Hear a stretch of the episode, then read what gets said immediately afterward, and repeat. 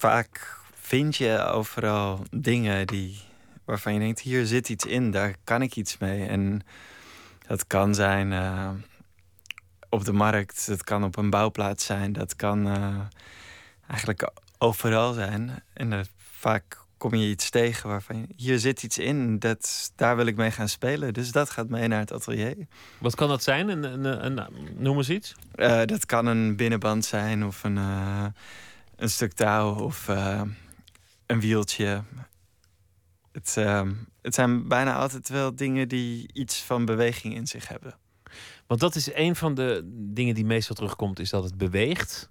Mhm. En het moet eigenlijk iets bijzonders doen. Het moet een soort werking hebben die je niet zou verwachten. Het moet eigenlijk een zeer onverwachte beweging maken of onverwachte effect hebben. Of, het, ik of hoeft dat niet eens?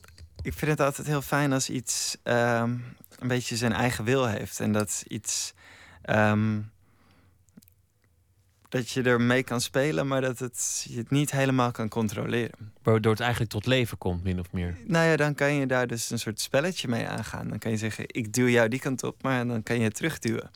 En dan um, ontstaat er dus een soort dialoog met het materiaal.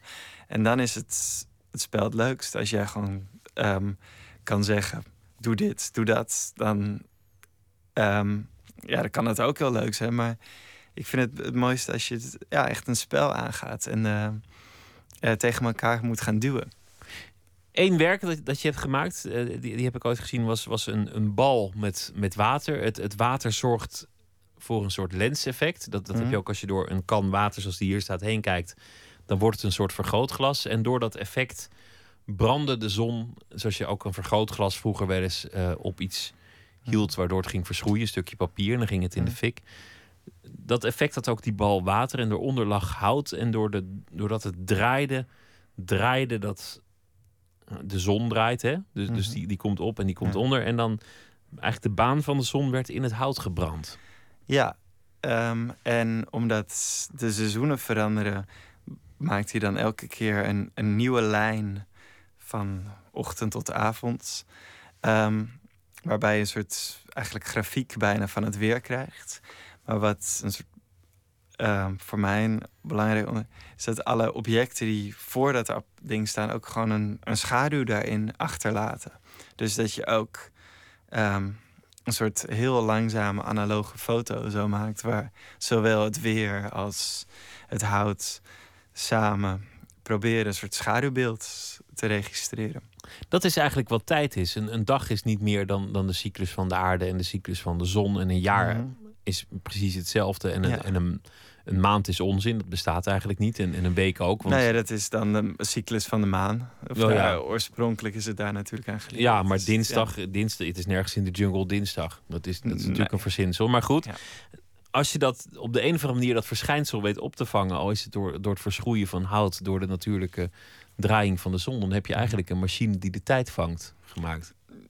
Dat heb je heel mooi gezegd. En dat is, was ook precies hoe dat werk ooit ontstaan was. Was dat ik een atelier had met een heel klein raampje.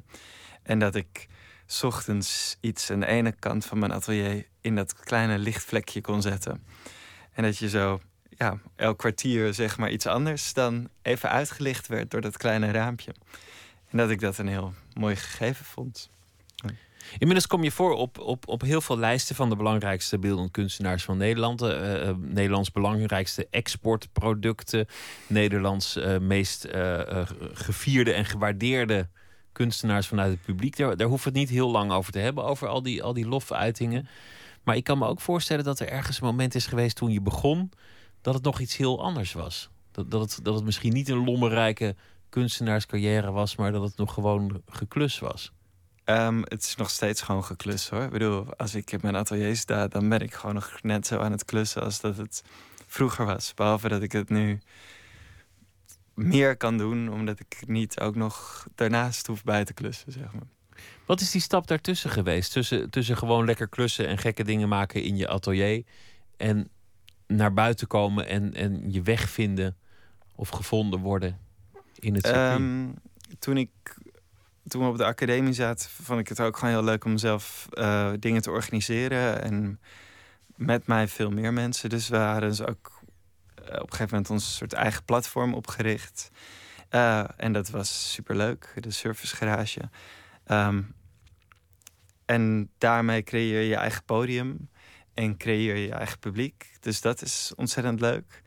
Ehm, en zo ontmoet je een heleboel mensen. Dus, ehm, en ik denk gewoon heel veel doen en, en heel veel laten zien. En zodat mensen het kunnen, kunnen zien en dus ook kunnen waarderen. En dat het ook gezien wordt. Ja, zolang als het niet gezien wordt, kunnen mensen het ook heel moeilijk waarderen natuurlijk. Je stamt uit een, een, familie van kunstenaars. jouw vader was een, uh, een relatief bekend kunstenaar, Frans Feigl. Uh, je moeder zat ook in, in de kunst. Ja. De, dus ergens was al in je hoofd een zaadje geplant van de gedachte dat iets kunst zou kunnen zijn. Um, ja, maar als um, zeg maar kind, prepuber, had ik echt een enorme aversie daartegen. En uh, vond ik het allemaal maar nutteloze onzin. Um, Wat het natuurlijk ook is, uiteindelijk. Tot een bepaalde hoogte. Totdat voor mij ook momenten kwamen dat ik er enorm geraakt door werd. En dat ik dacht wauw, maar als dit kunst is, dan is dat echt te gek. Um, en, maar onzin kan te gek. Dat is, ja. dat is natuurlijk een, een, discussie die, die, die op de een of andere manier heel actueel is. Van, mm. van wat de zin is van kunst, of de zin van cultuur, of de zin van, van muziek. Mm -hmm. en, dan, en dan gaan mensen, ja, het is heel goed voor de economie, want het, het leidt tot innovatie, of het leidt tot hogere bezoekersaantallen van de stad Amsterdam, of, of al die onzin. Maar volgens mij is, is het gewoon een hopeloze beweging om overal maar zin in te willen ontdekken? Ehm, ja, die zin blijft altijd heel subjectief en ehm, relatief. Het is, ja, wat is zin? Um, voor de een heeft het inderdaad heel veel zin om een chique auto te hebben. En voor andere mensen heeft dat helemaal geen zin. Want als je je maar naar A naar B brengt, waarom zou hij in godesnaam kalfsleren bekleding moeten hebben? Ja, en wat is het nut van liefde? Wat is het nut van, nut van eh, voortplanting? Waar, eh, wat is de zin van baby's? Wat is de... De zin van het leven, ja. Hoe groot wil je het maken? Waar, waar hebben we planeet Aarde eigenlijk voor nodig? Ja. Vertel eens over vroeger. Wat, wat was dat voor sfeer? Um, ik denk dat het gewoon een heel fijne, gezellige sfeer was. En dat het. Het was niet dat kunst nou echt een onderwerp was. En ik had ook helemaal niet het idee dat ik zelf iets met kunst moest gaan doen. In tegenstelling zelfs. Ik dacht eigenlijk van het lijkt me heel goed om een normale baan te hebben. En, of in ieder geval gewoon niet het gedoe met inkomsten te hebben. Dat je dat voor elkaar hebt in plaats van dat het een soort gesjagger blijft. En wat was het moment dat je besloot dat het toch maar gesjagger moest worden? Ehm, eigenlijk op het moment dat ik uh, een design of uh, vormgeving ehm, studie begon. En dat ze zeiden, ja, we vinden het heel leuk wat je doet, maar het zijn helemaal geen dingen of het zijn geen producten. dus wat, wat doe je hier? Als je toffe dingen wil maken, moet je dat helemaal niet als product te zien, dan, ja, dan moet je misschien maar gewoon naar de kunstacademie. En de vrijheid opzoeken. Ja. Over die sfeer thuis, een, een, vaak vertelde anekdote is: uh, jouw vader werd ziek. Die, mhm. eh, die is er uiteindelijk ook aan overleden. Die had kanker. Jullie zaten aan tafel en, en hij opperde het idee van het zou eigenlijk een, een mooie uitvaart zijn of een mooi afscheid als jullie mij, jullie gezin mij zouden opeten. Ja, dat is niet helemaal hoe het gegaan is. Hoe, hoe is het wel gegaan? Uh, voor een expositie over de dood heeft hij een afspraak onder vrienden gemaakt. En dat was onder zijn groep uh, ja, hechte vrienden. Zeven vrienden volgens mij. We zijn de afspraak gemaakt dat de eerste overledene uh, opgegeten zou worden door de rest. Um, en hij heeft daar een recept voor gemaakt en een soort ritueel van hoe dat zou moeten gebeuren. En een aantal maar het was, een, was, een, was een grapje, toch? nee, nee het was een serieuze overeenkomst die echt helemaal notarieel vastgelegd is. En een aantal jaar later werd hij ziek en was hij dus ook de eerste die daaraan onderdoor ging. En dat had hij niet per se zo ingepland, maar dat zo liep het wel. En dus werd die afspraak opeens op, uh, ja, getest van ja, dat hebben we toen met z'n allen besloten. Maar gaan we dat dan ook doen? En daar was ik niet een onderdeel van, van die afspraak. Want ik was gewoon nog kind. Jij, jij zou hem ook niet gegeten hebben? Um, wow, weet ik niet. Ik, ehm, daar ben ik nog steeds eh, niet helemaal over uit hoe, hoe ik... Ik denk eigenlijk dat ik het wel gedaan had. Weet je het recept nog eigenlijk? Want je zei dat het al Ehm, vastgelegd was. Nou ja, dat, dat, dat was eigenlijk van ook eh, meer bijna zoals je hoe je een koe moet ontleden. Ook gewoon welke lichaamsdelen je moet gebruiken en welke dingen geschikt zijn voor wat. Ehm, daar maak je je worst van. Dat moet je pekelen. Of ehm, is op die manier was een soort omschrijving van gemaakt van hoe die processen moeten gaan. Maar ik weet niet of het wat met rozemarijn was of hoe wat, weet ik niet. Maar dat kan ik wel opzoeken op zich. Ik heb die recepten dingen nog ergens. Maar goed, dat geeft wel aan dat het, een- dat het een, een vrijdenkend milieu was. Ja, Dat, dat er buiten de gebaande paden werd gedacht. ja nee, dit soort dingen werden heel open besproken. En ehm, Het is natuurlijk Ja. een enorm taboe. Het, het eten van mensen, het eten van mensenvlees en het eten van. de dood is gewoon een taboe.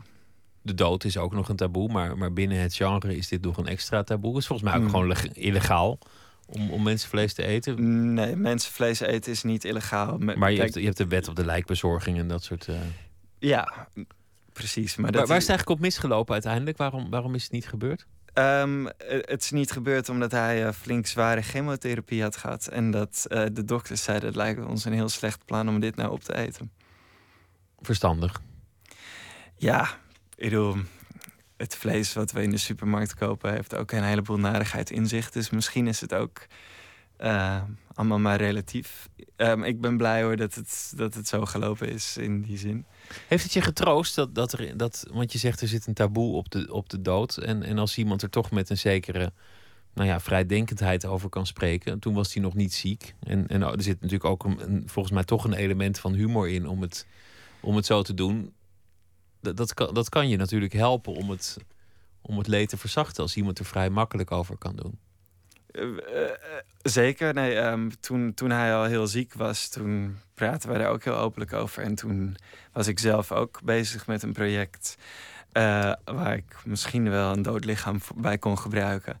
Of daar fantaseerde ik over. En toen zei hij, nou ja, je, mag mij wel hebben, maar op één voorwaarde. dat- Mocht je toch nog volgende week onder de tram lopen, dan mag ik wel jou hebben om iets mee te doen. Dus zo wordt er dan ook gewoon grappen over gemaakt. Wa- Wat was dat project wat, jij eh, eh, bedacht? Ja, dat is al heel lang geleden. Ik weet niet of we daar echt op in moeten gaan. Maar Ik, ik, ik meen me er iets van te herinneren. Het wa- was een gedachte van het, ehm, het, het zichtbaar, zeg maar, een soort, soort webcam in, in een kist. En het is volgens mij een soort ballonnetje geweest dat je een keer hebt opgelaten, waar toen heel veel mensen zich enorm over hebben opgewonden. precies, eh, dat begon Want als... mensen winden zich graag op. Ja, ehm, omdat mijn vader zo met, met die dood bezig is. Ja, dan ga je er ook over nadenken. Toen was eigenlijk in de tijd dat de eerste webcams op internet een ding werd. En dan heb je het over 96, 97.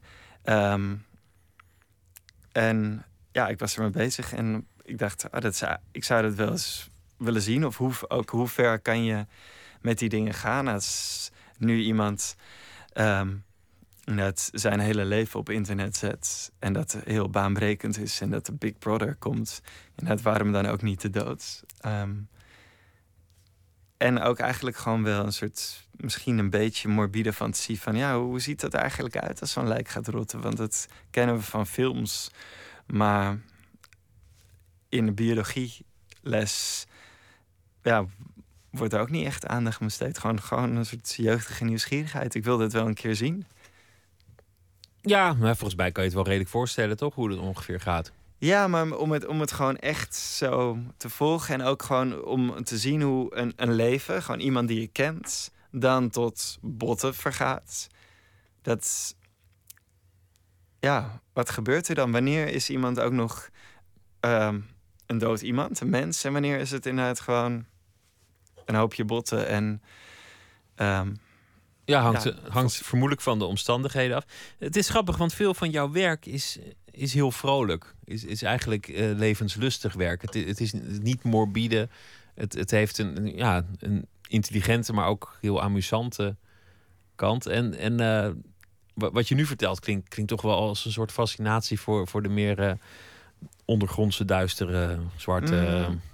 eh, Ik denk dat die fascinatie eigenlijk meer zit met. Uh, um, dit is misschien niet helemaal hoe het hoort of wat wij met z'n allen afgesproken hebben, maar.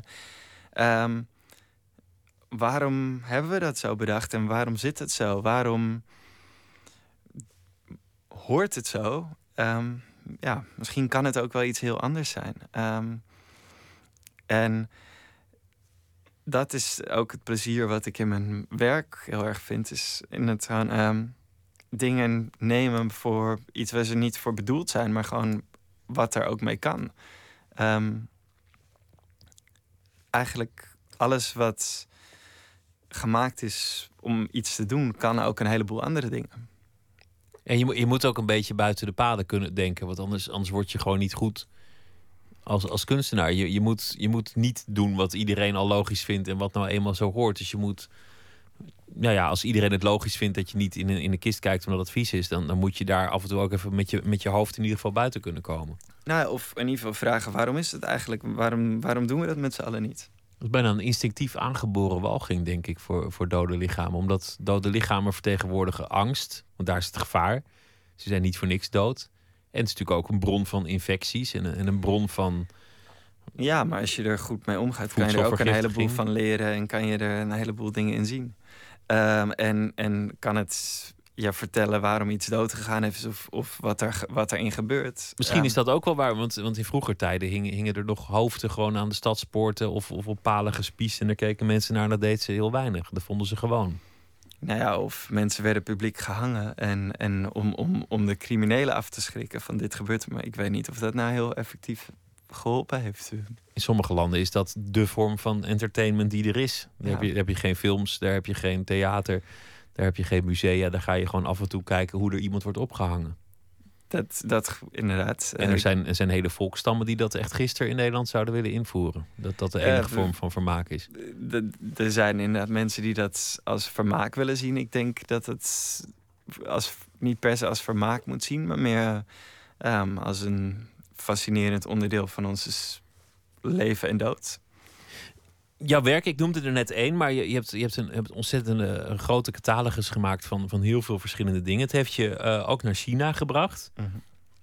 regelmatig. En ik krijg de indruk dat je, dat je ook een soort liefde voor het land hebt uh, ontwikkeld. Um, ja, dat, dat was een soort tough, tough love met, met dat land. Um, ik vind het heel leuk om daar te zijn en dingen te doen. En er komen ook steeds meer mogelijkheden. En dat wat wat ik leuk vind daar is het, het gewoon uh, hoe mensen met heel weinig middelen een heleboel doen. En het een soort heel gekke twist daar is tussen dat het net zo technologisch geavanceerd is als, als hier, of eigenlijk veel meer zelfs. Um, maar dat het contrast met daarnaast het, het houtje touwtje en het do-it-yourself daar veel sterker is. En, um, Weet je waarom jouw werk daar zo enorm is aangeslagen? Um, ik denk dat het ook de komt omdat ik gewoon daar liefde gevonden heb en daar en, uh, het daar fijn vind en daar dus tijd doorbrengen en dat je daardoor dingen kunnen aanslaan. Maar ik denk ook dat mensen um, in mijn werk een bepaald plezier en een in het een soort levensvormen zien. Of mijn werken zijn vaak bijna een soort beesten. Een soort levende, bewegende dingen. En dat, dat mensen dat daar heel erg kunnen waarderen. Omdat het in die zin misschien wat makkelijker interpreteerbaar is. Ook vanuit verschillende culturen. Waar, waar heeft het je allemaal gebracht de, in, in China? Um, wat is het ongeveer zo vergelijkbaar als hier een, een, eh, een galerie die, die stelt wat tentoon en dan is er een opening met witte wijn en dan komt de kunstenaar en houdt iemand een praatje. Dat, dat ook. Um, zo. Het, en inderdaad de zelf opgerichte trashy uh, kunstruimtes die uh, eigenlijk bijna onder de radar moeten bestaan omdat er toch een heleboel dingen niet zomaar kunnen in China tot aan de National Museum of uh, Art in China. Um, dus het zijn heel verschillende plekken waar dat komt. Inmiddels, inmiddels heb je echt een band met het land en met, met de, de kunstwereld al daar. Ja, dat, dat groeit. Dat groeit. En ik ga in november weer die kant op. En ja, dat is wel iets wat in ontwikkeling is en wat ik, wat ik heel leuk en interessant vind. En ehm, ja, graag wil uitdiepen. Het kan niet anders zijn ehm, als dat mensen inmiddels een enorme vraag hebben ook naar je werk. Dat ze, dat ze het willen kopen, dat ze het in hun tuin willen of in het, in het park van hun bedrijf of, uh, of op het dak of dat soort dingen. Krijg je veel van dat soort verzoeken inmiddels? Er zijn, af en, of er zijn zeker van dat soort verzoeken, maar het is, um, mijn werk is vaak ook best wel een soort luidruchtig en onhandig en uh, niet iets wat je boven de bank wil hebben. Het, uh, het is in die zin niet het werk van, oh leuk, dat, ja, dat moeten, we, moeten we hebben. Je, je moet er de ruimte voor maken. Um, maar er zijn zeker genoeg mensen die, die dat spannend genoeg of interessant genoeg vinden om die ruimte daarvoor te maken. Doe je alles? Of, of, of zijn er ook grenzen van wat je wil verkopen? Um, zou je bijvoorbeeld dingen in serie willen produceren als daar een vraag naar komt van een of andere ondernemer die dat wil? Alleen als dat heel leuk is om te doen. Of als, kijk, voor jezelf om tien keer hetzelfde te maken is meestal gewoon niet zo heel spannend en interessant. Dus ja, dan hoeft het niet. Um, het is leuker om aan nieuwe dingen te werken. Gewoon lekker klussen en, en onverwachte dingen tegenkomen en die uiteindelijk maken. En, en dat wel met zo'n overtuiging en energie dat het iets heel bijzonders wordt, iets onvergetelijks. Dat zeker. En als, en als soms moet iets gewoon in honderd fout. Ik bedoel, ik heb uh, honderd van dezelfde beugeltjes uh, gisteren zitten maken, omdat het nou eenmaal nodig was voor dat werk. En dan is het helemaal niet erg om honderd keer hetzelfde te doen. Maar die honderd keer tellen het samen op tot één beeld. Dus dan is het goed. Maar om dan weer honderd keer datzelfde beeld te maken, ja, I don't know, dan mag misschien iemand anders dat doen. Je werk is op een aantal plekken uh, te zien deze mhm. zomer en, en na zomer. Noem even de, de locaties waar je te bezichtigen bent. Ik heb nu nog hier in Amsterdam uh, uh, bij het CBK Hanging Around, een groepstentoonstelling waar ik een werk heb hangen. Dat is tot 23 augustus. Ik heb in België, in Genk, Belgisch Limburg, een werk in het Molenpark. Dat is een permanent werk wat eerder deze zomer geopend is. En Later, dus, uh, later deze nazomer nog twee tentoonstellingen. Eentje in Artie in Amsterdam. Um, die opent op 29 augustus tot 4 oktober. Dat heet Haperende Mens. Um, en op Today's Art in Scheveningen. Dat is een festival. Um, dat is vanaf 24 september tot 5 oktober.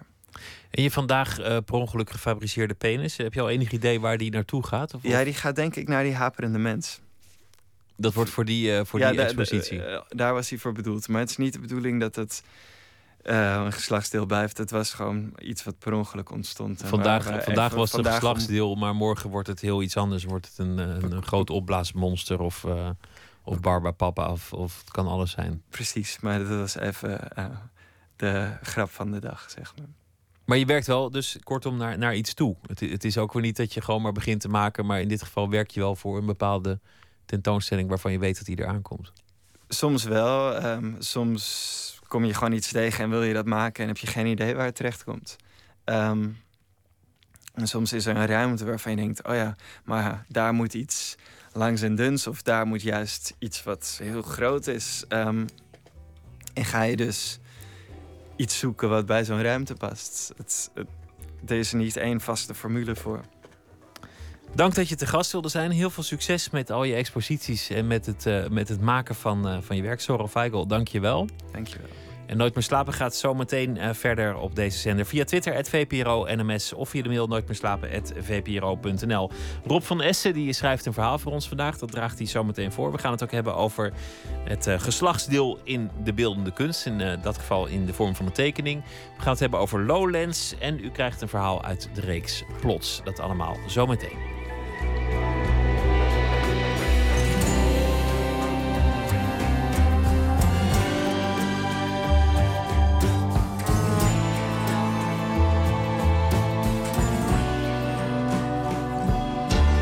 Op Radio 1, het nieuws van alle kanten.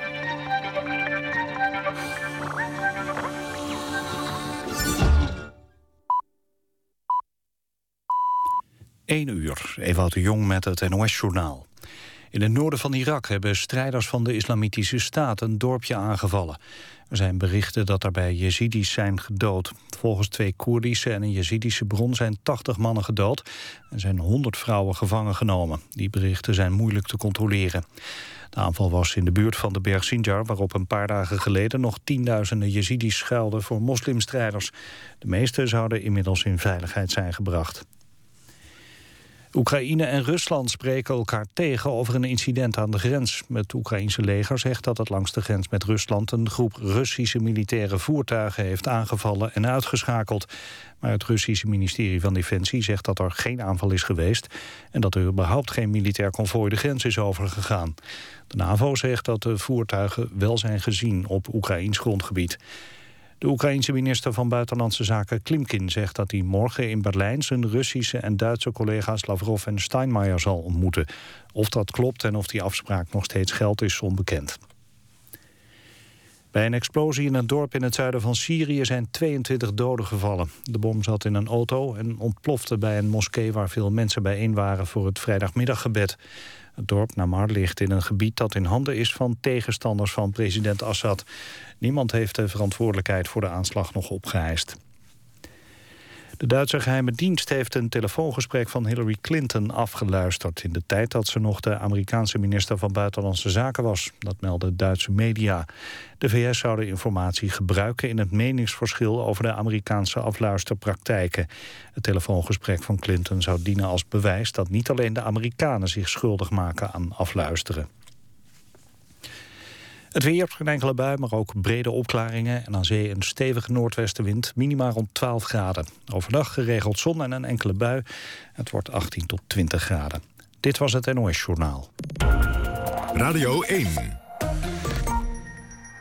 VPRO. Nooit meer slapen.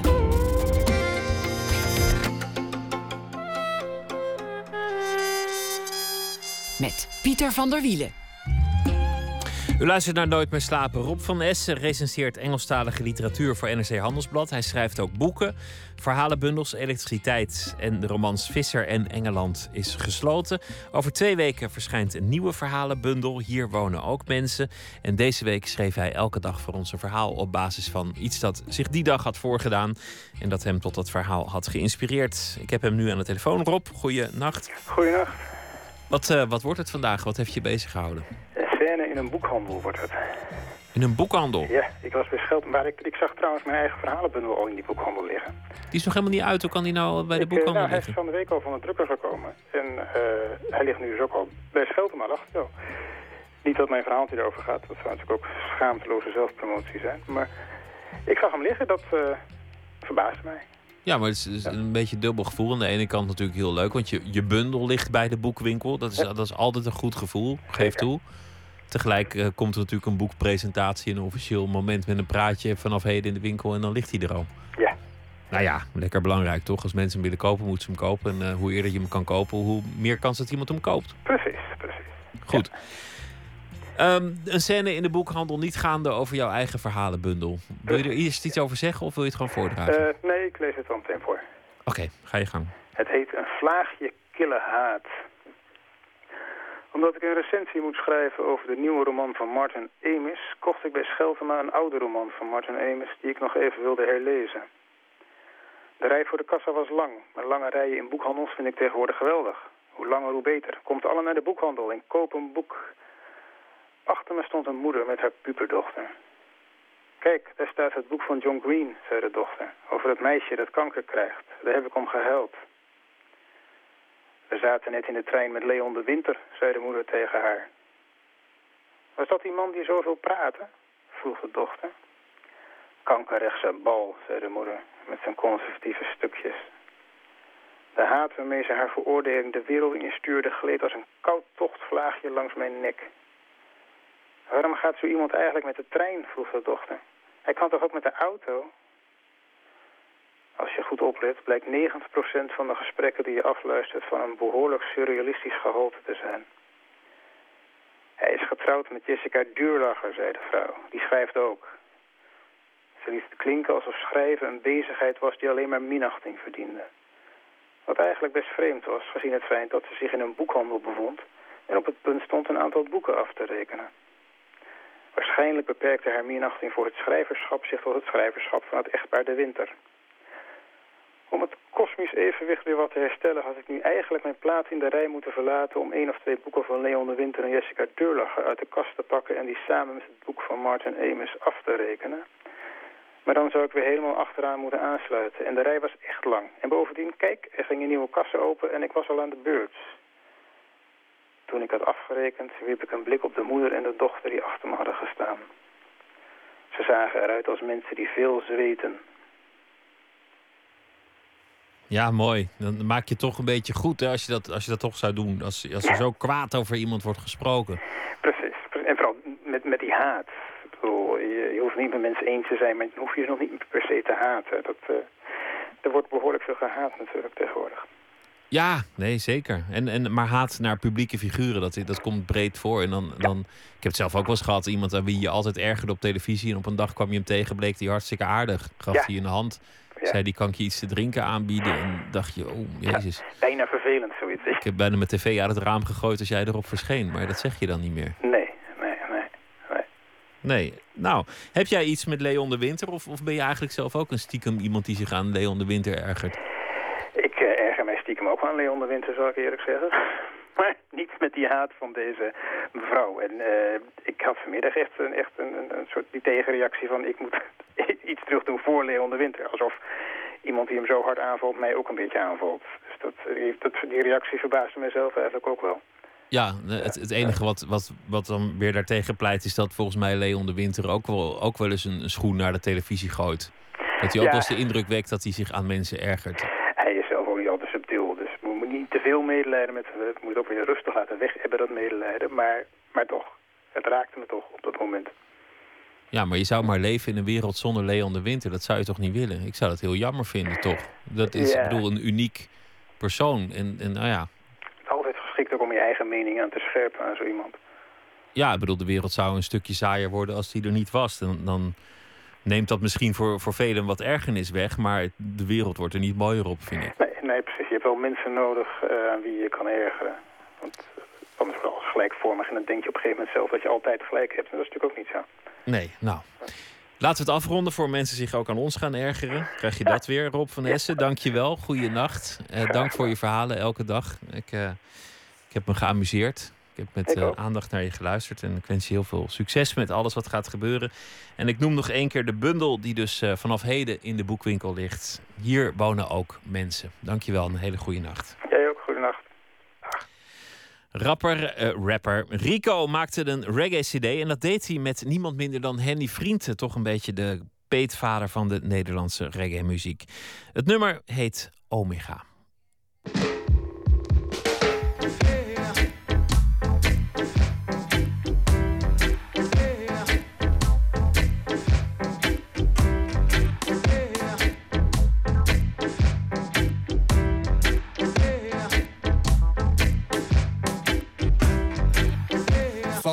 Voor herhaling.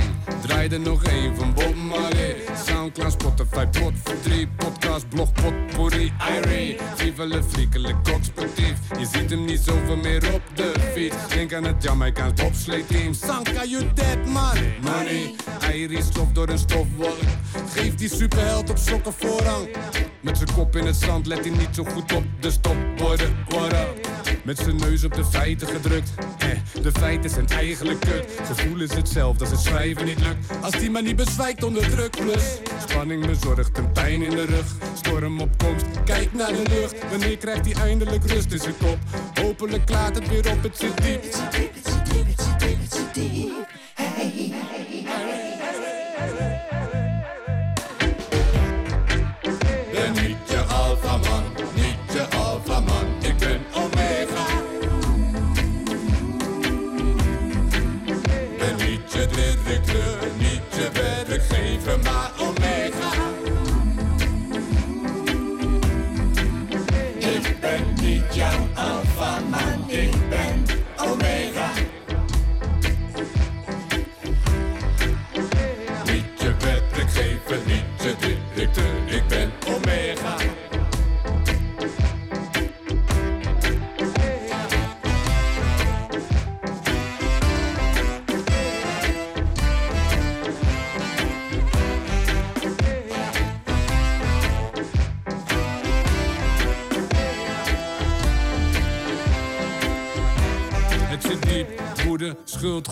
Je ziet het, hij zoekt verkoeling op beats. Beats van Ali, critical beatdown. En een knockout punch van Muhammad Ali. Float like a butterfly, sting like a bee. Irie.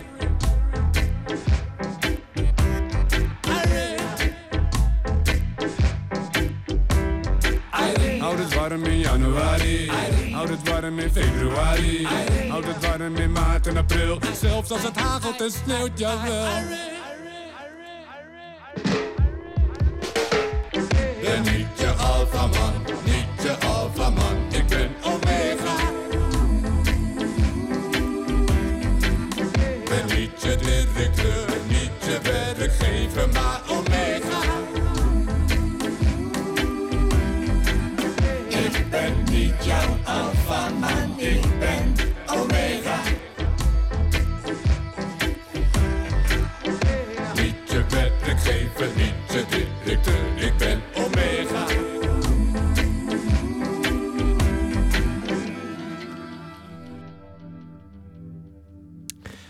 Rico en Ali Reza Tahouni staan op Lowlands dit weekende. Dit was eh, Rico samen met eh, Henny Vrienden in het liedje Omega.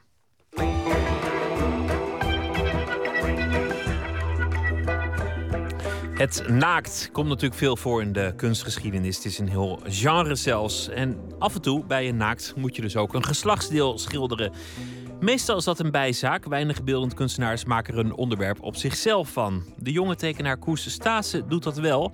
Hij neemt de penis buitengewoon serieus. Verslaggever Gijsbert van der Wal ging bij hem langs voor een gesprek zonder gêne. Goedemiddag. Hey, Hey. Alles goed? alles goed. Mooi. Koes Stase is 29 en deze zomer afgestudeerd aan de kunstacademie in Sertogenbos. Maar hij woont nog, of nee, hij woont weer bij zijn ouders. In een woonwijk in Os. Het is eigenlijk een beetje uit nood geboren. Ehm, ik woon in Den Bosch, in een prachtig eh, oud schoolgebouw. Nog geen twee minuten loop van de academie af. Maar het was anti-kraak, dus ik moest eruit. En eh, ik had zoveel stress om iets nieuws te vinden in Den Bosch... dat ik eh, weer terug ben gegaan, even naar het ouderlijk nest hier. Op dit moment zijn mijn ouders op vakantie, dus ik heb eh, het hele huis omgetoverd tot een soort atelier. In elke kamer is wel iets aan de gang, dus stapeltjes papier en dingen die ik aan het uitzoeken ben. En we zitten nu aan de eetkamertafel eh, waar ik ook werk. Normaal werk ik eigenlijk liever niet hier, want ehm, ik voel me dan een beetje bekeken als ik hier zit. En mijn ouders zijn hier ook, dus... ehm, Wat vinden ze van je werk? Ehm, ja, ik denk dat, ze het, dat ze het wel goed vinden. Maar ze zeggen eigenlijk nooit echt inhoudelijk wat ze nou eigenlijk, waar ze nou eigenlijk naar kijken. Ze zeggen van eh, goed gedaan, jongen. Of eh, Mooi getekend. mooi getekend, heb je goed, eh, goed voor elkaar. Maar wat er verder te zien is, dat, dat laat ze altijd een beetje in het midden. Maar dat vind ik En ook prima. daar is het natuurlijk, kun je ook wel iets bij voorstellen, want het is tamelijk expliciet werk. Ja, precies. Ja, ja ik beeld dus vooral veel eh, mannelijk naakt af ook. En ik kreeg op de academie bijvoorbeeld wel eens de opmerking van een docent van... eh, ja, je maakt eigenlijk werk voor mannen die van mannen houden, voor homo's, homokunst. Toen dacht ik, nee, ik vind het eigenlijk interessanter dat ik ergens mijn werk laat zien... en dat mijn vader op de opening komt en die voelt zich verleid om dichtbij te gaan... en die gaat heel dicht op zo'n tekening staan... en dan op een gegeven moment dan klikt er iets bij hem van... oh, ik sta eigenlijk veel te dichtbij. En dan zie ik hem echt zo'n beetje terugschrikken. Dat vind ik Ja, maar dat betekent dus dat het niet homokunst is. Of in elk geval niet alleen, omdat het ook een kunstwaarde heeft los van de homo-inhoud. Ja, dat probeer ik er wel in te stoppen. Dus eigenlijk niet zo gek dat je ouders dan zeggen van mooi getekend. Want dat is ook één kant van de zaak. Ja, precies. Ja. ja, ik vind het heel belangrijk dat het wel heel verleidelijk moet zijn in hoe het eruit ziet. Dus ik probeer het heel veel tijd en energie te stoppen in het heel precies uitwerken en het heel verleidelijk maken van zo'n, van zo'n tekening. Dus dat, dat, dat je eigenlijk ook dichterbij wil komen. Ik denk dat het daartoe wel uitnodigt. Maar intussen gaat het wel over seks en erotiek. Of in elk geval over jouw beleving daarvan. Ja. Dus je kunt je ook voorstellen dat je ouders... Dat is net zoiets als dat wij ons niet willen voorstellen... hoe de seksuele beleving van onze ouders is. Dat je, je kun je ook voorstellen dat het voor ouders niet iets ongemakkelijks heeft... om geconfronteerd te worden met hoe jouw zoon tegen seks aankijkt. Ja, Dat, dat klopt, dat, hoe dat je dat stelt. Maar ik, ik, denk ook dat het, dat het niet alleen met mijn ouders is. Ik denk dat je het van elkaar eigenlijk niet zo heel erg wil zien. Tenzij je daar natuurlijk eh, een klik met elkaar hebt en daar opgewonden van raakt. Maar ehm, daar schaam ik me ook gewoon voor dat ik, dat ik daar gevoelens bij heb en uh, dat ik die afbeeld. Maar ik merk als ik ergens voor schaam en ik daar nerveus van word, dan moet ik het juist wel tekenen. Want daar gaat het eigenlijk bij mij om het is eigenlijk zo gegroeid dat ik op de academie eerst grote ehm, houtskooltekeningen maakte vooral. En dat ging me eigenlijk met heel veel gemak af. Ik kon op een goede dag misschien drie grote tekeningen in een, in een dag maken. Toen dacht ik, ja, dat wordt ook wel heel vrijblijvend of zo. Want het, ja, het ging gewoon te, te soepel of zo. En toen zei een docent tegen mij van... Uh, ja, je moet eens ja, het tegenovergestelde van Kill Your Darlings doen. Dus Love Your Demons. En eens kijken waar dat het voor jou over gaat. En... Dat is eigenlijk mooi gezegd, ja. Zei hij dat zo? Ja, dat zei hij zo, ja. Love Your Demons. Love Your Demons, ja. En ja, ik, dat spook, die uitspraak spookte gewoon door mijn hoofd heen. En ehm, ik dacht, ja... Nou, waar word, ik echt, waar word ik echt flink nerveus van? Toen dacht ik, ja... Als ik zelf mijn eigen lichaam moet tekenen of zo... daar word ik al nerveus van. Dus toen... Waarom? Ja, omdat het toch ja, ik, uh, ik kleed me graag heel bedekkend. Of uh, ja, ik vind dat wel moeilijk om dat te tonen of zo. Dat, uh, ja, dat, dat, is niet aan mij besteed. Ik denk dat ik, ik verlang liever om een, een, ander zo te zien... in plaats van mezelf zo te, te, te, laten zien aan anderen. Maar ik dacht, ja, daar, dat is wel makkelijk. Ik kan wel zelf mijn eigen inzetten en daar tekeningen over maken. En dus keek Koes naar beneden en tekende wat hij daar zag. Niet meer in houtskool op een groot formaat, maar heel precies in potlood op een klein papiertje. Op de tafel voor ons ligt een van die eerste tekeningen waarvoor hij ging navelstaren, letterlijk. Ja, precies. Ja, je ziet eigenlijk een navel. En um, ja, op een gegeven moment daar gaat het dan een beetje mis. Daar heb ik uh, twee penissen getekend. En, uh, maar die heb je niet echt? Nee, nee, precies. Maar dat het... Want anders zou ik wel begrijpen waarom je een beetje moeite met je eigen lichaam had. Maar ja, dat, dat is dus het, het ding van... Ja, het is het is altijd gebaseerd op iets wat daadwerkelijk plaats heeft gevonden. Maar op een gegeven moment dan komt er ook een soort van fantasie in die het. Um, ja, dan wordt het eigenlijk een soort van projectie van mijn, uh, van mijn verlangens of van mijn uh, ideeën daarover. Want je zou best twee penissen willen hebben.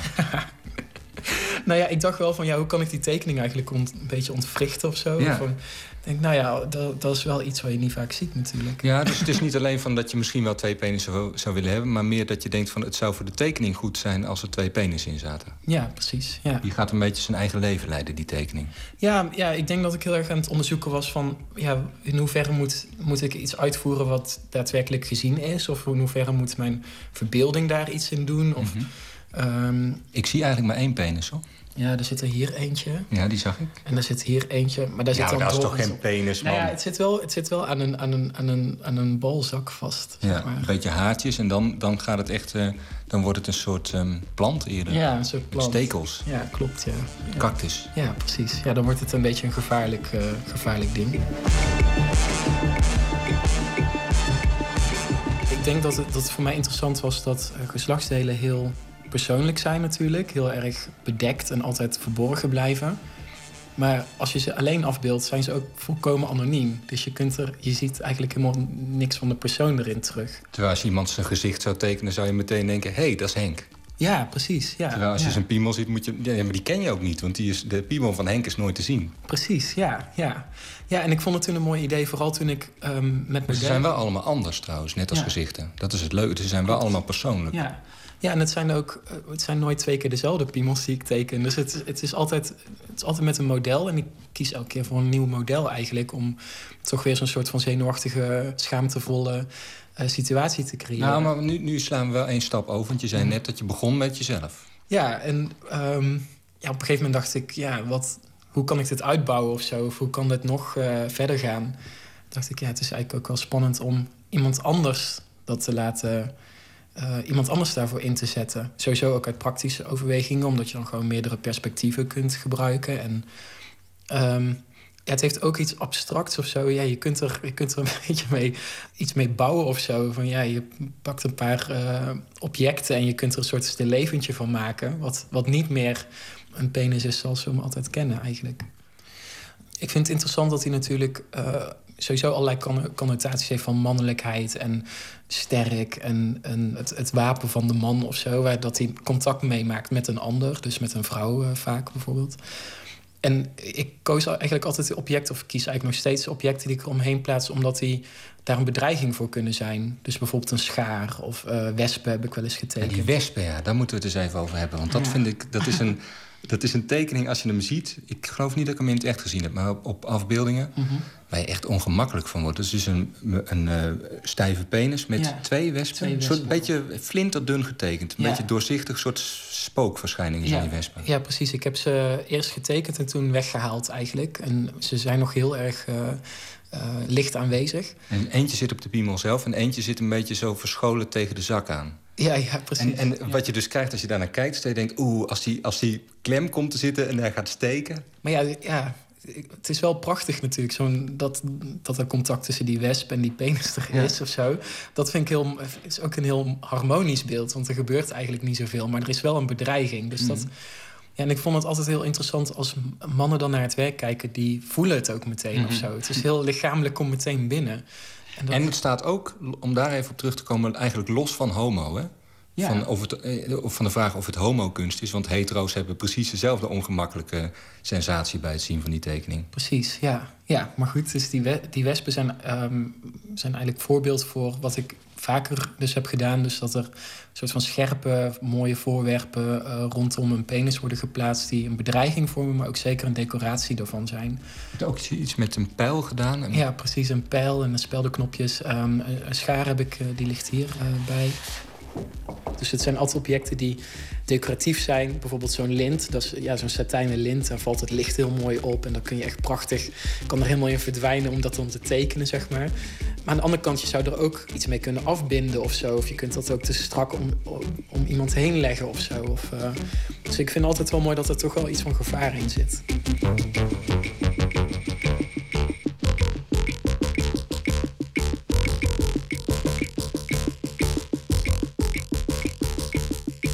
Modellen zijn dus inmiddels niet meer jijzelf. Nee.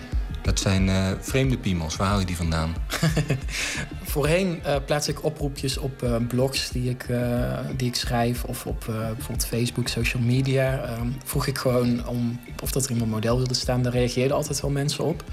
Dus dat, dat heeft een hele lange tijd eigenlijk geduurd. Tot vlak voor mijn eindexamen op de academie. Toen dacht ik, nee, ik moet nu gewoon mensen gaan benaderen die ik specifiek wil inzetten. Dus ik moet veel specifieker worden eigenlijk. Ja, want als het met erotiek te maken heeft en met jouw persoonlijke verlangen... dan mm dat geldt niet voor de willekeurig wie op Facebook reageert op jouw oproepje natuurlijk. Dat is die, die mensen kiezen zelf uit. Ja, nou ja, ja dat, is dus dat was dus ook wel problematisch. Want af en toe kreeg je dus ook dat iemand zich aanbood... en waar dat ik het gewoon dan niet mee zag zitten. Ja.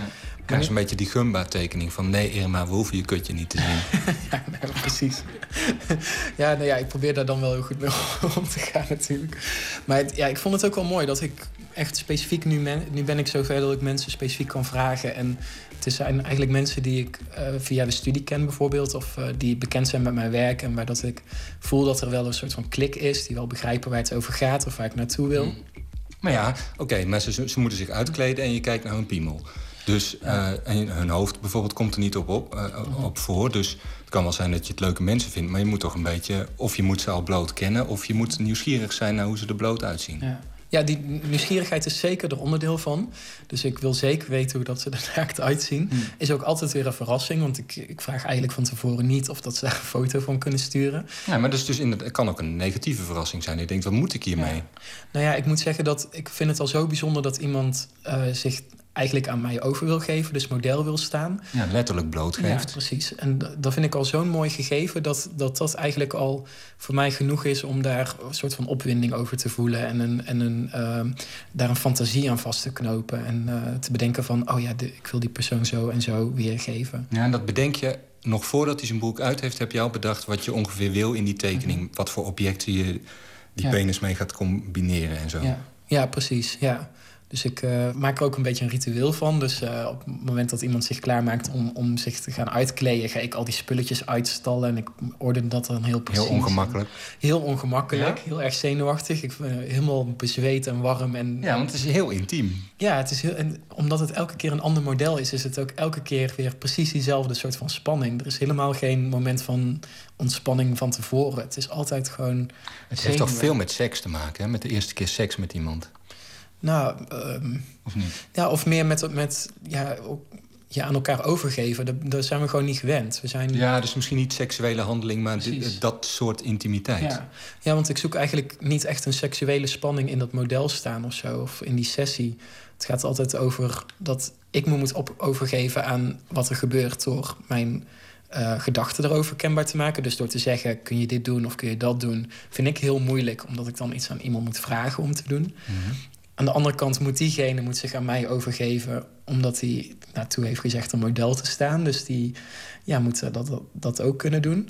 Terwijl wij natuurlijk in ons dagelijks leven heel erg gewend zijn om op onszelf te zijn en, en ja, eigenlijk niet zo heel veel over te geven aan, aan een onbekende situatie.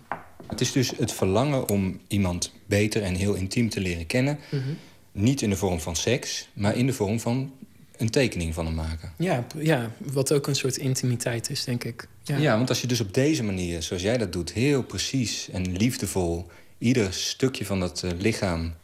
Ja, aait uh, met de potlood. Aait met de potlood, ja. Ja, ja. Dat, is, dat is een soort surrogaat bijna. Ja. Nou ja, ik denk ook wel eens van dat ik die objecten en zo inzet... eigenlijk ter vervanging van aanrakingen die ik zou willen doen. Dus eh, ik raak... indirect aanraken. Ja, precies. Ik je raak... er iets tegenaan, zodat je er zelf niet met je vingers aan zit. Ja, ja precies. Ik durf er zelf niet, niet, niet met mijn vingers aan te komen. Dus er, er komt een object tegenaan te liggen. Wat dan voor mij allerlei symbolische waar, uh, connotaties heeft... of uh, aantrekkelijkheden heeft. of voor het beeld natuurlijk ook. Maar ja, het zijn eigenlijk aanrakingen die ik zelf zou willen doen. Maar gewoon niet durf, ja. Al dus Gijsbert van der Wal in gesprek met de tekenaar Koes Stase. Zijn werk is nog een volle week, tot en met 23 augustus, te zien bij Galerie Ron Mandels te Amsterdam. En daarna van 18 tot en met 21 september bij Galerie Kokkie Snoei op de jaarlijkse beurs voor de tekenkunst Amsterdam Drawing. We gaan luisteren naar Portishead, een band die furoren maakte in de jaren 90. Ze komen uit Bristol en dit weekend zijn ze te zien op Lowlands in Biddinghuizen. Uit hun echt gouden tijden van het album Dummy. Sour Times.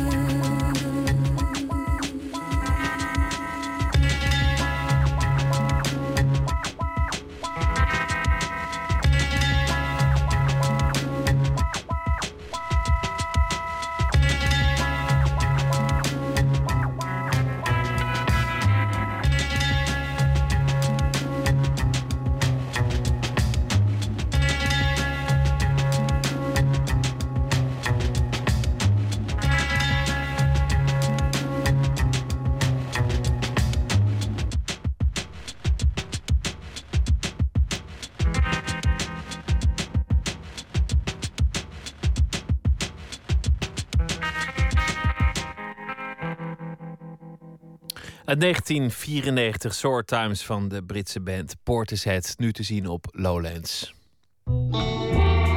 Nooit meer slapen.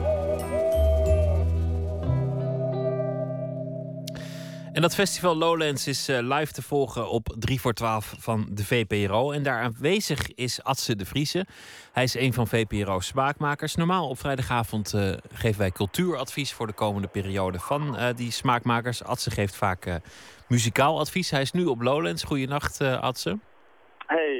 Hey, Pieter. Hi. Een iets andere opzet. We gaan, gaan niet hebben over wat de komende periode te beluisteren en te zien is. We gaan jou vragen wat jij aan uh, moois hebt opgepikt op het Lowlands Festival, waar je uh, vanmiddag al bent begonnen met het zien van heel veel bands. Wat heb je allemaal gezien vanavond? Ja, nou ja, de nacht is hier nu begonnen, over Nooit meer slapen gesproken.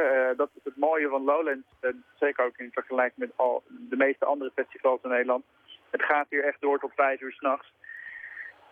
Dus ik heb net een, een Britse producer gezien die Sophie heet een man dus, die, die zich Sophie noemt. En dat was echt een, een hele top, set hier. Maar vandaag overdag ook al een paar mooie dingen gezien. Um, Thomas Azier bijvoorbeeld, een Nederlandse jongen die een paar jaar geleden naar Berlijn verhuisd is. En die teruggekomen is als een soort zwarte prins van de Nederlandse popmuziek. Echt hele mooie intense synthesizer pop maakt. En die het echt heel goed deed, vond ik zo ook vandaag vroeg op de dag al.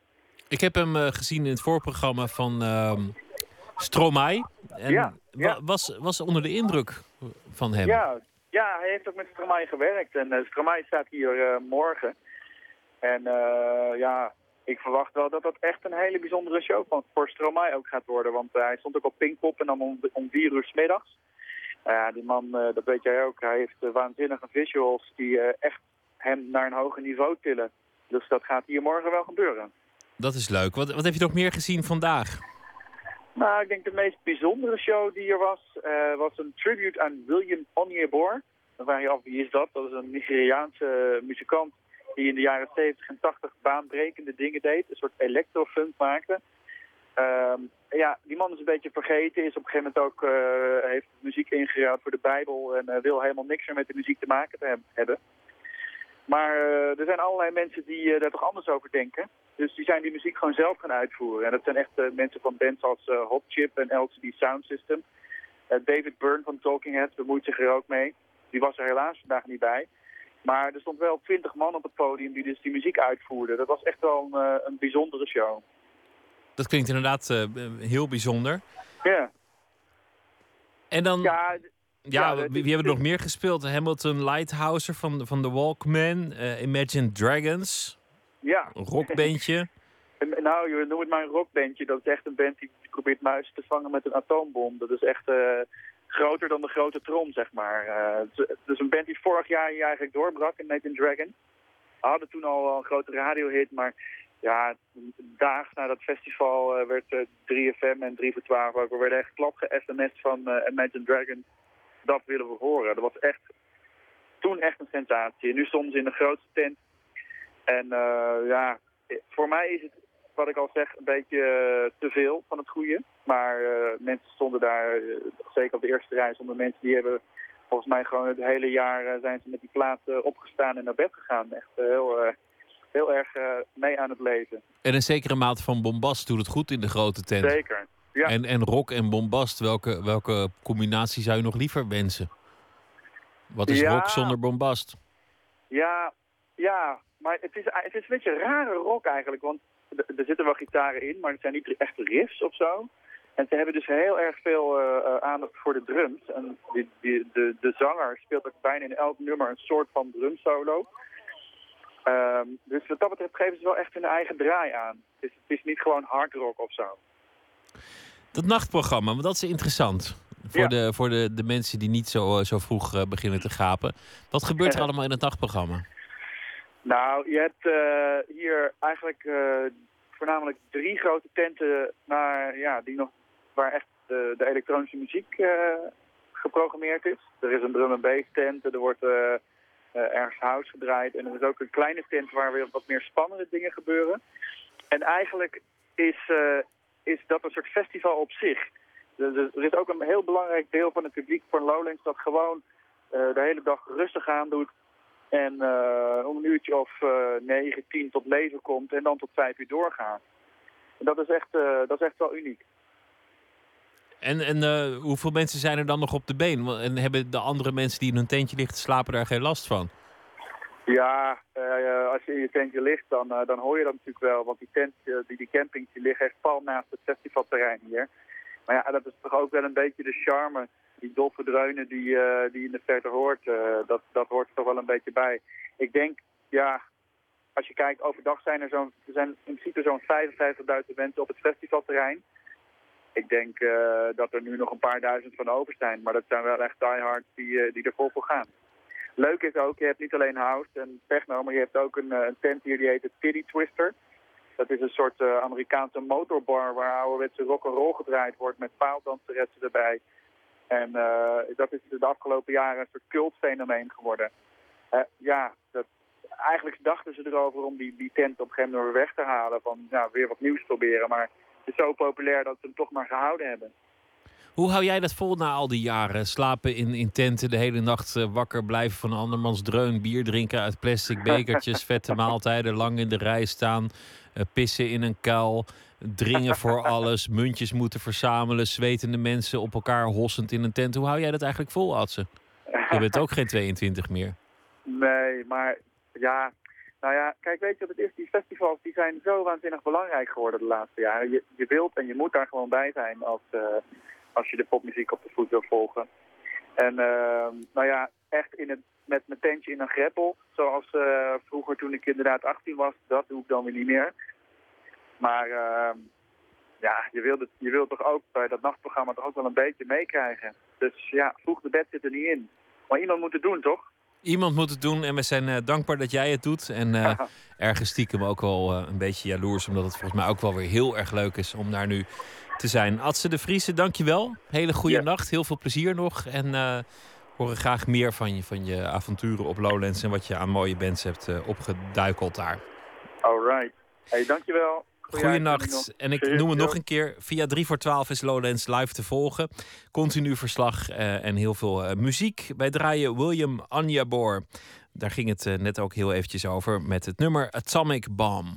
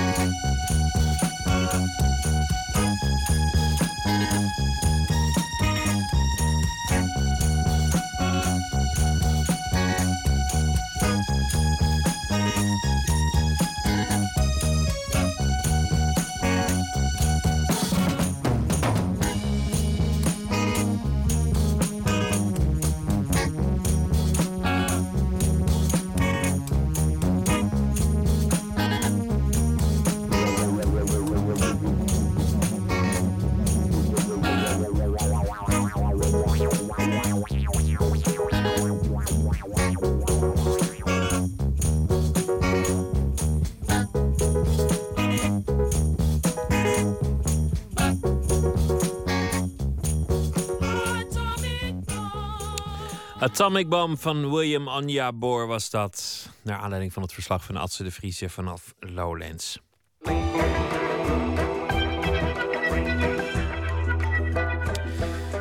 Deze maand herhalen we wonderlijke waargebeurde verhalen uit de prijswinnende VPRO-radioserie Plots. Het thema was De Ander, ging over mensen die in de greep komen van een ander. Het is niet makkelijk om mensen te helpen die een totaal andere manier van leven hebben dan wij zelf. Dat weten ook ontwikkelingswerkers in Afrika. Maar ook hulpverleners in Haarlem, die begin jaren 60 betrokken waren bij een bevlogen sociaal experiment.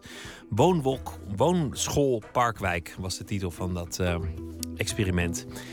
In een speciaal ontworpen wijk werden 62 zogenaamde onaangepaste gezinnen bij elkaar gezet, te midden van tientallen hulpverleners. En het was de taak van die hulpverleners om de ontspoorde levens van deze mensen weer op de rails te krijgen. Nettie en Roel behoorden tot de hulpverleners van het allereerste uur. Met goede moed begonnen ze aan hun opdracht. Luister naar Halte voor Asocialen, een verhaal gemaakt door René van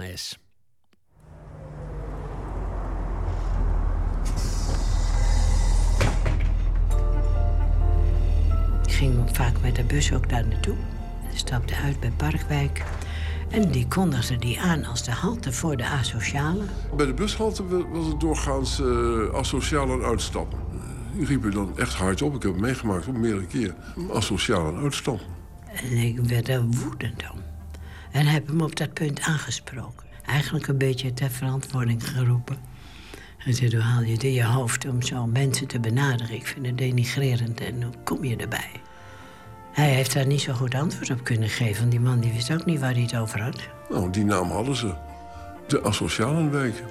Dat was een gewoonte. Zo gebeurde dat. Ik heb me altijd aangetrokken gevoeld door de, door de mensen die het minder hadden dan wij zelf. En daar wilde ik iets voor doen. En iets meedoen. En hoe dat er dan uitzag, ja, dat wist ik ook niet precies. Ik was ingeschreven in Amsterdam op de Sociale Academie. Heb ik uh, mogelijkheid gekregen om daar te gaan werken. En ik was in die opleiding en daar hoorde ik natuurlijk ook allerlei theorieën over het maatschappelijk werk en papa, papa, wat allemaal wel moest gebeuren. En ik ging daar vol goede moed heen en ik dacht bij mezelf, nou, dat, niet van dat maak ik wel even, maar hier zie ik het wel zitten. Aan de overkant van dit project, in de, in de fles, daar woonden de mensen die door de instanties werden gezien als het referentiepunt waar naartoe geleefd moest worden. En dat waren de mensen die, als ze een auto hadden, daar ontzettend trots op waren. De autodichtheid was toen niet zo heel erg groot, maar als je een auto had, dan was je al de hele Piet. En dan stond je zaterdags die auto te poetsen. Dat was normaal. Als we nou maar bij deze mensen die zoveel tekorten hebben aan opleiding, aan begrip, aan tolerantie, aan mogelijkheden, geen werk, door alcoholisme, noem maar op. Als we daar nou maar zorgen dat er een soort van paraplu aan hulpverlening over uitgestort wordt. Via die maatschappelijk werkers en die gezinsverzorgers en die peuterleidsters en die club- en buurderswerkers, dat allemaal erop loslaat. Dan moet dat lukken. De veranderbaarheid van deze gezinnen die werd, werd hoog ingeschat. Deze mensen kunnen veranderen. Ik was 22 hè? en we gingen het leven even maken. Ik kwam daar echt, echt uh, handen uit de mouwen en uh, we gaan er tegenaan. En zo begonnen we er ook aan. Het was ook vreselijk leuk. We waren dag en nacht aan het werk. Toen ik daar uh, binnenkwam, is mij eigenlijk opgevallen... toch een zekere mate van gezelligheid wel. Een beetje saamhorigheid. Nou, er was voldoende speelruimte voor de kinderen op straat. De huizen die waren allemaal identiek, waren allemaal hetzelfde. En uh, lekkere, gezellige grote ramen. Vond ik. Niet onaangenaam, moet ik zeggen. En dat centrum, dat buurtcentrum waar ik dan kwam te werken... dat, ja, dat lag een beetje centraal ook. Dus je begint met zo'n buurthuis te organiseren. Voor een deel was het uh, professioneel bemand. In de ochtenduren waren daar twee klasjes. Uh, peuters, kinderen van twee, drie tot vier jaar. Die stonden overigens weer onder uh, toezicht van de Universiteit van Amsterdam. Die begeleiden dat, wetenschappelijk. Met als doel om met name de kinderen in, in de voorfase van hun leven al bij te brengen hoe het allemaal hoorde.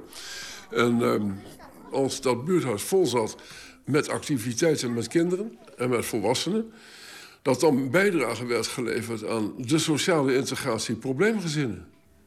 Ze waren zo aangepast als de pest, dat, dat weet ik wel.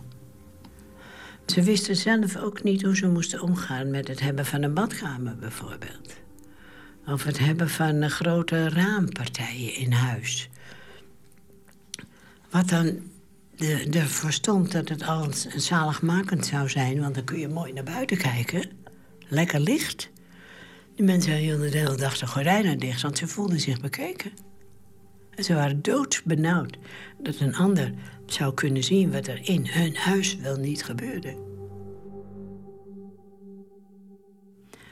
En een van de gezinnen waar ik dan kwam... dat was een ongelooflijk... daar ben ik van geschrokken. Groot gezin, en er kwam elk jaar een kind. Dat was een gezin van 16 kinderen, geloof ik. En de, de vader die had ongeregeld werk. En als hij thuis kwam, zei hij tegen zijn vrouw... Kom op, liggen jij, want je moet een beurt krijgen. En daar waren de kinderen dan bij. En uh, die stonden erbij, keken er daar. Verblikte of verbloosden niet, waren het wel gewend. En dan was pa klaar. Nou, dan kon moe weer opstaan en aan het werk gaan, eten koken, weet ik wat allemaal. De man, die was daar de baas ook. En die vond het al een uh, misselijk gedoe dat zijn vrouw daar één keer in de week naar die club ging. Want die voelde zich daardoor bedreigd. En uh, dacht van, er wordt er over me gepraat. En dat was natuurlijk ook zo. Want dat was een van de mensen die elke keer... of met een blauw oog mank lopen omdat er been geschapt was of zoiets. En, nou, ruzie gehad. En hij had weer gedronken. En er was er pils te weinig in huis. En dan waren de kinderen ongezellig of uh, die waren tegen de draad in. En die kregen de ene map naar de andere. Ik kwam moe aan de beurt. Nou, van zo ging dat dan. Maar ze durfden er bijna niet over te praten. Uit angst voor represaille van... Uh, nou ja, als ze thuis kwam, het kwam de man ter oren. Dat er iets gezegd was, dan, kreeg ze er van langs. Ongelooflijk. Ik kan er nog beroerd van wat ik aan denk. Dat vond ik zo schrijnend. Dat kende ik helemaal niet uit mijn eigen omgeving.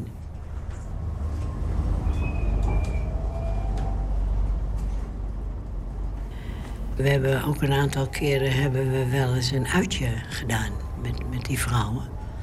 En dan bestelden we een bus en dan maken we dat bekend. En als ze zin hadden, dan konden ze meegaan naar Halfweg of naar een speeltuin of iets. Uh, over Veen of weet ik waar we naartoe gingen. En dat was leuk.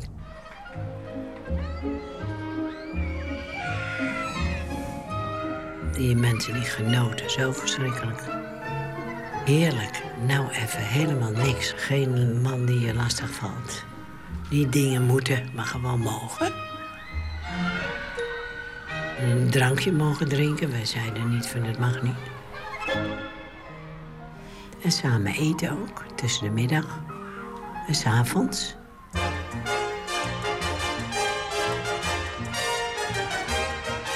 Ik vond het een prima manier om op een andere manier mensen gelegenheid te geven om met zichzelf en elkaar te om te gaan. Want het schiep wel een band, dat, wel. Maar het was overschaduwd door angstgevoelens. Van wat zal er gebeuren als dit bekend wordt? Wat gaat mijn kerel zeggen als ik thuis kom en hij ruikt dat ik een borreltje ga hebben? Die, die angst die, die zat zo diep erin maar aan de andere kant scholden ze elkaar ook verrot. Als wij een reisje hadden, dan waren er altijd een paar dronken. En een paar heel erg dronken. Ik herinner me dat, dat, dat op een gegeven moment een collega en ik... een dame van een kilo of 125 in een zeiltje hebben gewikkeld... en naar huis hebben gesleept. En daar op de bank hebben gelegd en toen pijlsnel het pand hebben verlaten. Want we wisten ook wel dat we al langer dan vijf minuten zouden blijven. Dat dan de volgende dag de buurtroddel uh, wel uh, behoorlijk uh, aan de orde zou zijn. Dus dat zorgde er ook niet meer voor, voor die vrouw. Dus gewoon neer en weg. Als je dan wat omgang had met, met de mensen, je leerde elkaar wat beter kennen. Of ik hun beter leerde kennen.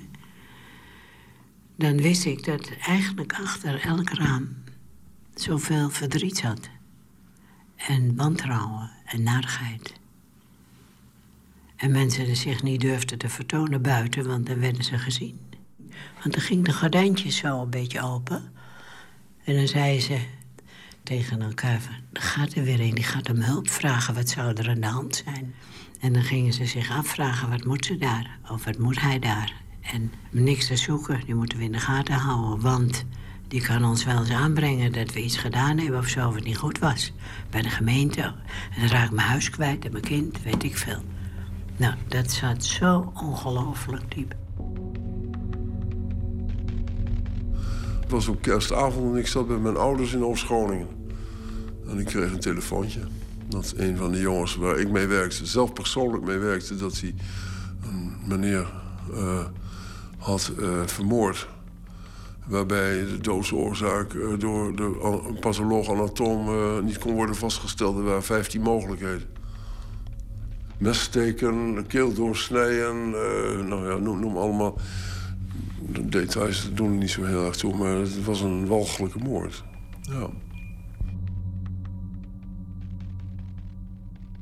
Deze jongen daar hoorde dat helemaal niet bij, vond ik. Ja. De jongen was 15, 16. Verbijsterd. Verbijsterd dat hij het gedaan had. En dan kun je verder uh, in de literatuur uh, allerlei bewijzen vinden... dat je dat ook terecht niet hebt kunnen zien. Dan weet ik veel wat allemaal. Maar dat is gerationaliseerd. Ik de emotie blijft natuurlijk wel. Dat het een jongen is die uh, onder jouw hoede... twee keer per week een uur bij elkaar kwam... met het bedoel dat hij dit niet zou doen. Ja. Het gebeurde. En ik denk dat na een jaar of vier de, de mening wel begon te post te vatten... dat het misschien toch niet helemaal succes zou zijn wat we hadden gedacht. Hooguit kon je hopen, en ik, denk dat je het zo cynisch wel, wel kunt formuleren... dat het met die kinderen nog wat goed komt. Dat was eigenlijk het belangrijkste. De rest, dat begonnen we langzamerhand van te geloven dat... Uh, dat, dat, komt niet meer goed. Dat verandert niet meer. Laten we zeggen, laten we, laten we accepteren dat er zo'n subcultuur in onze samenleving bestaat. En dat we de uitwassen daarvan moeten bestrijden. En het misschien voor die mensen nog een beetje prettig kunnen maken. Maar echt eruit komen, dat, dat was al een hele opgave. Nee, je leeft echt in een ander milieu dan je zelf gewend bent. En dan moet je je eigen normen maar even vergeten. Zij doen het anders dan wij. Het is uh, zoden aan de dijk zetten en daar houdt het mee op. En, je, je komt niet verder. Ik, ik, wat ik goed geleerd heb, dat is uh, te ontdekken waar je eigen grenzen liggen met betrekking tot je enthousiasme om andere mensen te willen helpen. Dat is me behoorlijk duur te staan gekomen, want dan word je op je plek gezet. In de zin van, wacht even, wat zijn de beperkingen? Wat kan wel en wat niet? Het vraagt een, een van je, van mij, om mijn kijk op de wereld en de mensen te, te, te herzien. En wat genuanceerdere invulling te geven dan alleen maar goed, slecht of zo. En naar mijzelf toe de erkenning dat je niet alles kan. En dat was best een confrontatie en dat heeft mij ook op mijn plek gezet en gezegd van hé, wacht even, Zwart. Dit is wat je te bieden hebt. En dat is de grens. En daar houdt het op.